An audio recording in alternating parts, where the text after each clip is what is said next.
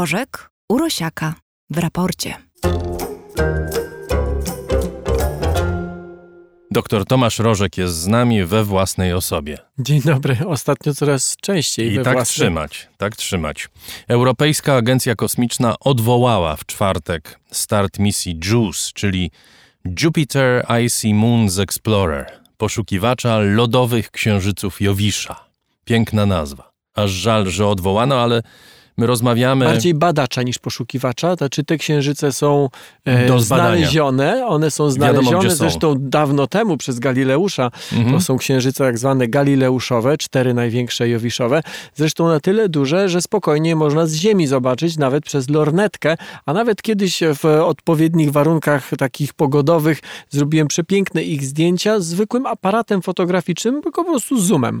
Także je po prostu widać. Dobrze, ponieważ będziemy przeciągać tę rozmowę, bo może w trakcie naszej rozmowy wystrzeli JUICE, chociaż to jest mało prawdopodobne. Za chwilę, za, za, za chwilę o tym powiemy, Jasne. bo rozmawiamy w piątek około południa.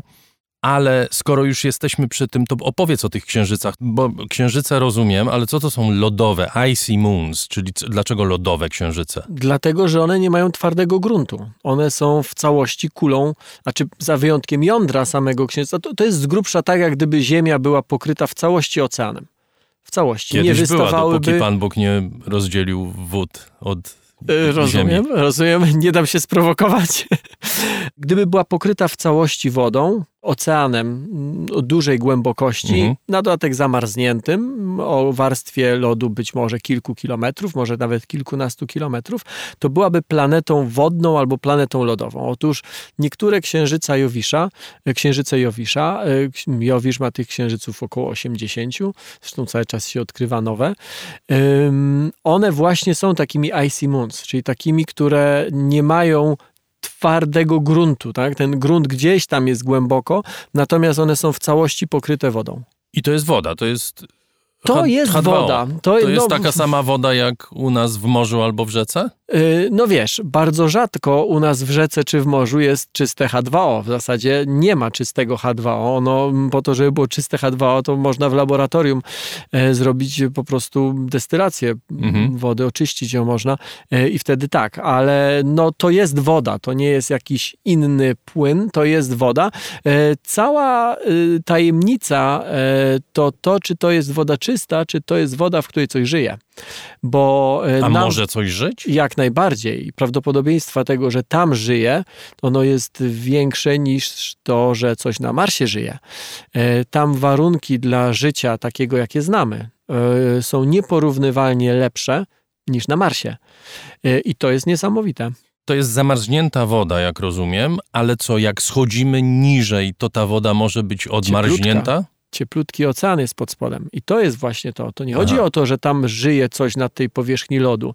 E, To jest kawał drogi od Słońca, więc to jest lód o dosyć dużej grubości. To, to, to nie jest lekko przymrożony ocean e, o dużej grubości.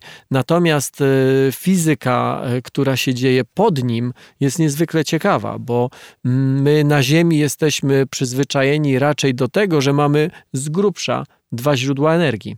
Jedno źródło energii to jest Słońce, które świeci i dostarcza nam energii organizmom żywym, ale także, no nie wiem, na przykład naszej atmosferze. A drugie źródło, no to są jakieś rozpady promieniotwórcze we wnętrzu Ziemi, trochę też ten gorąc, to ciepło, jakie jeszcze jest od czasów, kiedy Ziemia się formowała. Natomiast tam jest jeszcze trzecie źródło energii, a mianowicie tak zwane siły pływowe, czyli te księżyce poruszają się wokół tak ogromnej planety, jaką jest Jowisz, e, że siła grawitacji tej ogromnej planety je trochę ściska i rozgniata, tak jak my byśmy w dłoni kulkę z plasteliny rozgniatali. I to dostarcza energii. I to jest źródło energii, które rozgrzewa w środku te oceany. Jeżeli mamy wodę, jeżeli mamy źródło energii, najpewniej, bo to wynika z symulacji. Mamy z grubsza takie struktury, jak na przykład w niektórych miejscach na dnie ziemskich oceanów, czyli kominy termalne.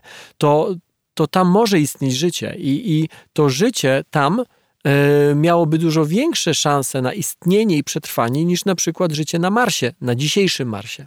Osiem lat ten lot będzie trwał. Tak. To tak mam wrażenie, że jeden dzień albo nawet dwa nas nie zbawi. Możemy poczekać, tak? Ale chyba nie możemy czekać w nieskończoność. Nie, Jak to nie, wygląda to jest w tej bardzo chwili? skomplikowane. E, że, znaczy ta sonda oczywiście mogłaby szybciej tam dolecieć, ale wtedy musiałaby mieć więcej paliwa, więc musiałaby być większa, więc musiałaby mieć większą rakietę, a jak większa rakieta, to musi mieć większy silnik i jeszcze więcej paliwa. To jest, to jest dość skomplikowana procedura planowania czegoś takiego, natomiast ona przez sporą część swojego lotu nie będzie leciała w kierunku Jowisza.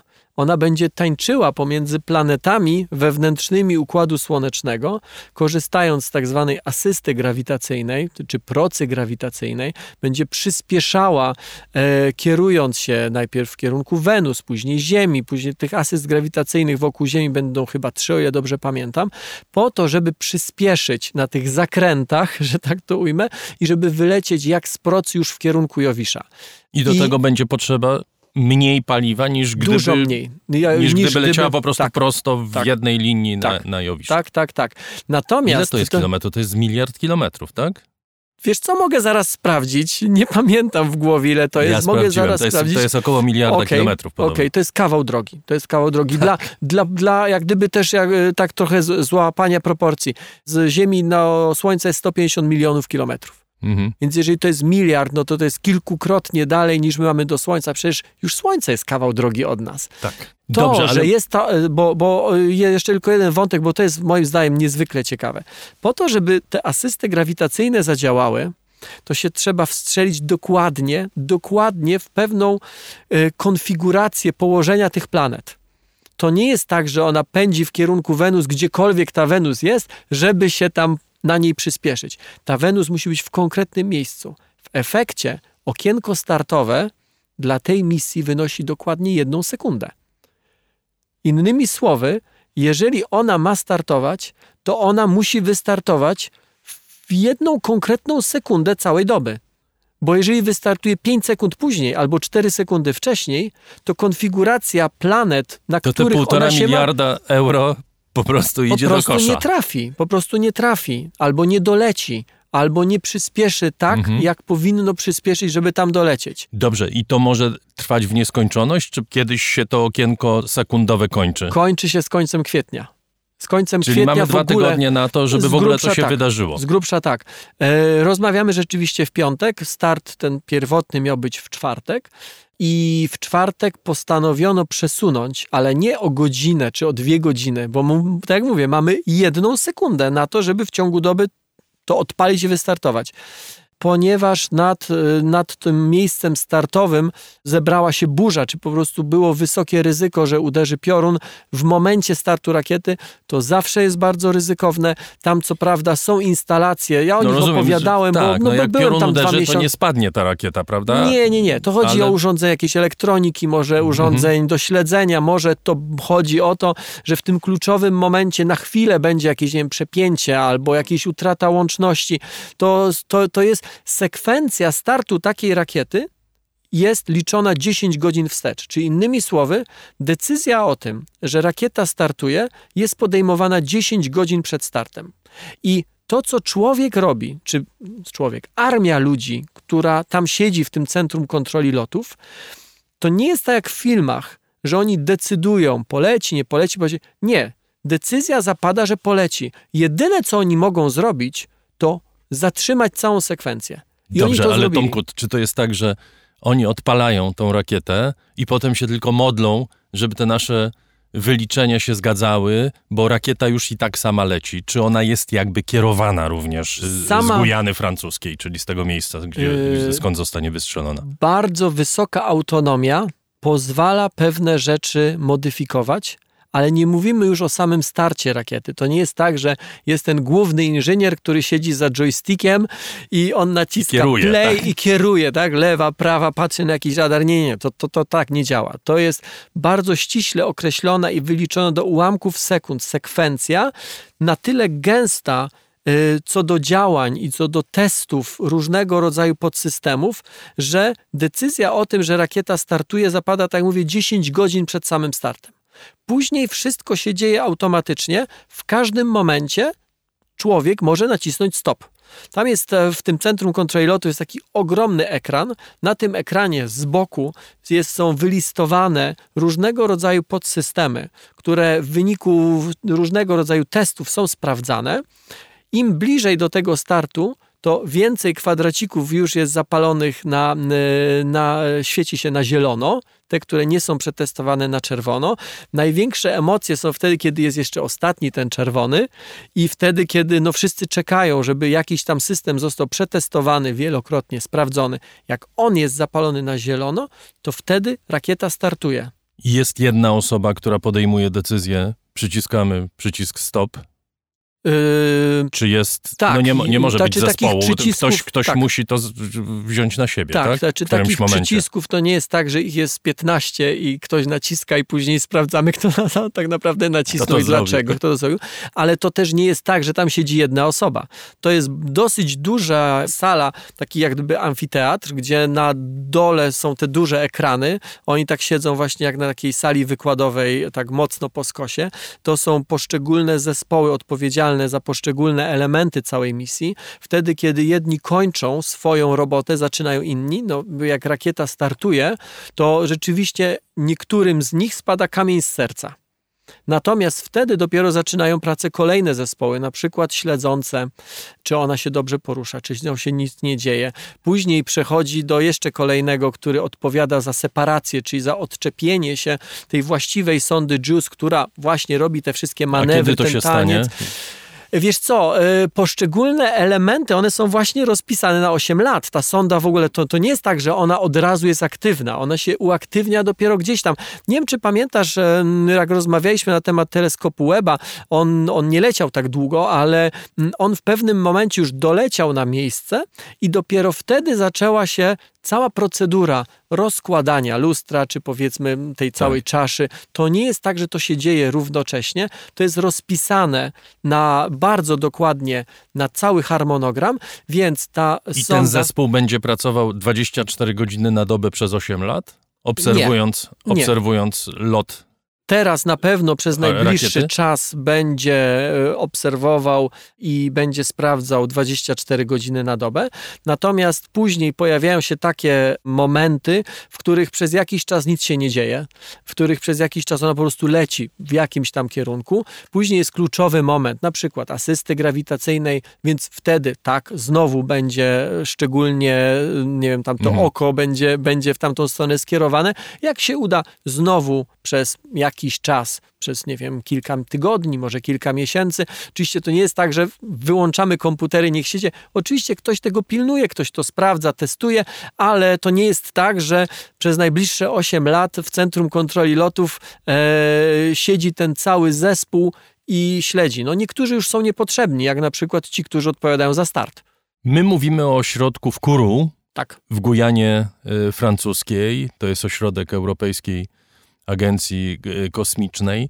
Ten lot, ta misja, jakie ona miejsce zajmuje w, w ogóle w planach, w budżecie e, agencji? To jest jedna z bardziej skomplikowanych misji.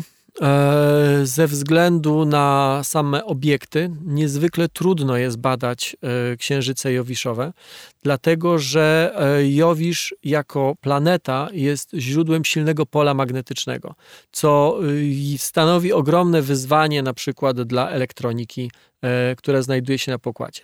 Drugim wyzwaniem jest to, że mówimy o obiektach bardzo dalekich.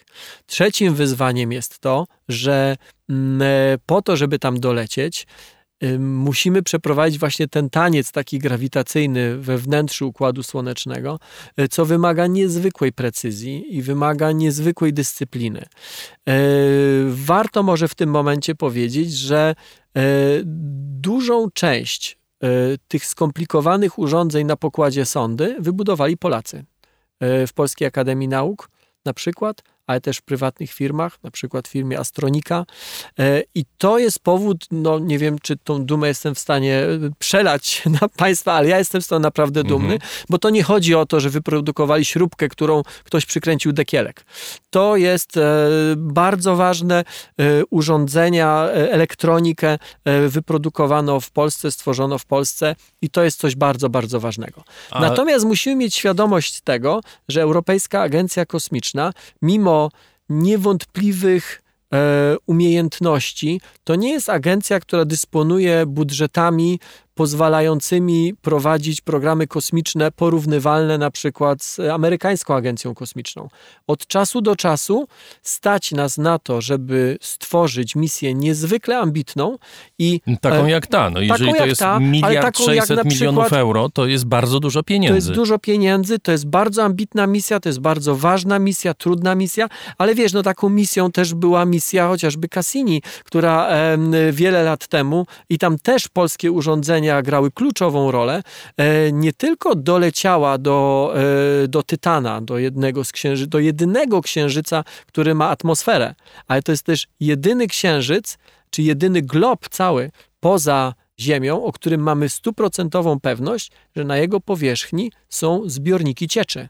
Są jeziora, są oceany, są rzeki, tyle tylko, że nie wodne, tylko skroplonego metanu. I tam udało się nawet wylądować przeprowadzić misję lądowania tam i rzeczywiście stamtąd pochodzą zdjęcia z lądownika, który tam osiadł. To też zrobiła Europejska Agencja Kosmiczna i to było coś absolutnie niesamowitego. Więc co jakiś czas stać nas na to, żeby taką misję przeprowadzić, czym pokazujemy, że potrafimy to robić, tak, że my w Polsce potrafimy takie urządzenia budować, chciałoby się, żeby te możliwości były po prostu większe.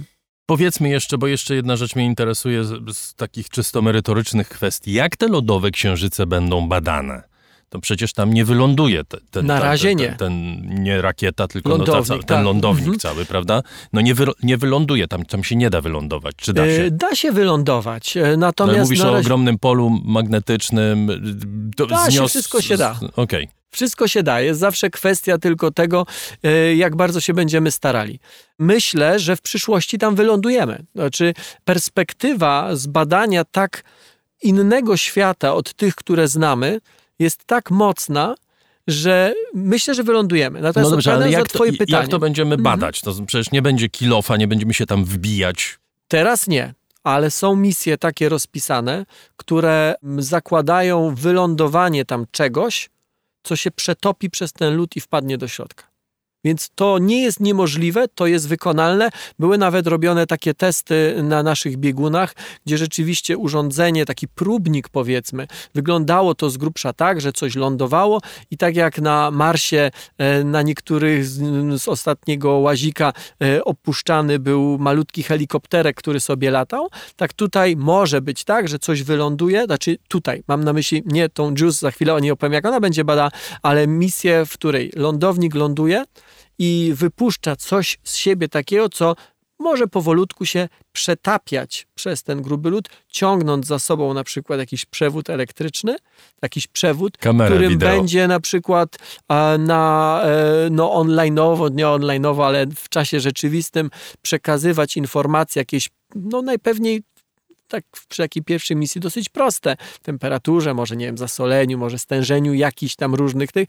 Mm, być może się uda, mm, żeby się tak długo przetapiał, aż wpadnie, mm, aż się przetopi do tego płynnego oceanu. Natomiast ta misja, ona nie będzie lądowała, ona zakończy swój żywot na takim księżycu, który się nazywa Ganymedes, i który akurat nie jest lodowym księżycem e, z tych, e, z tych największych jowiszowych, po prostu w niego uderzy.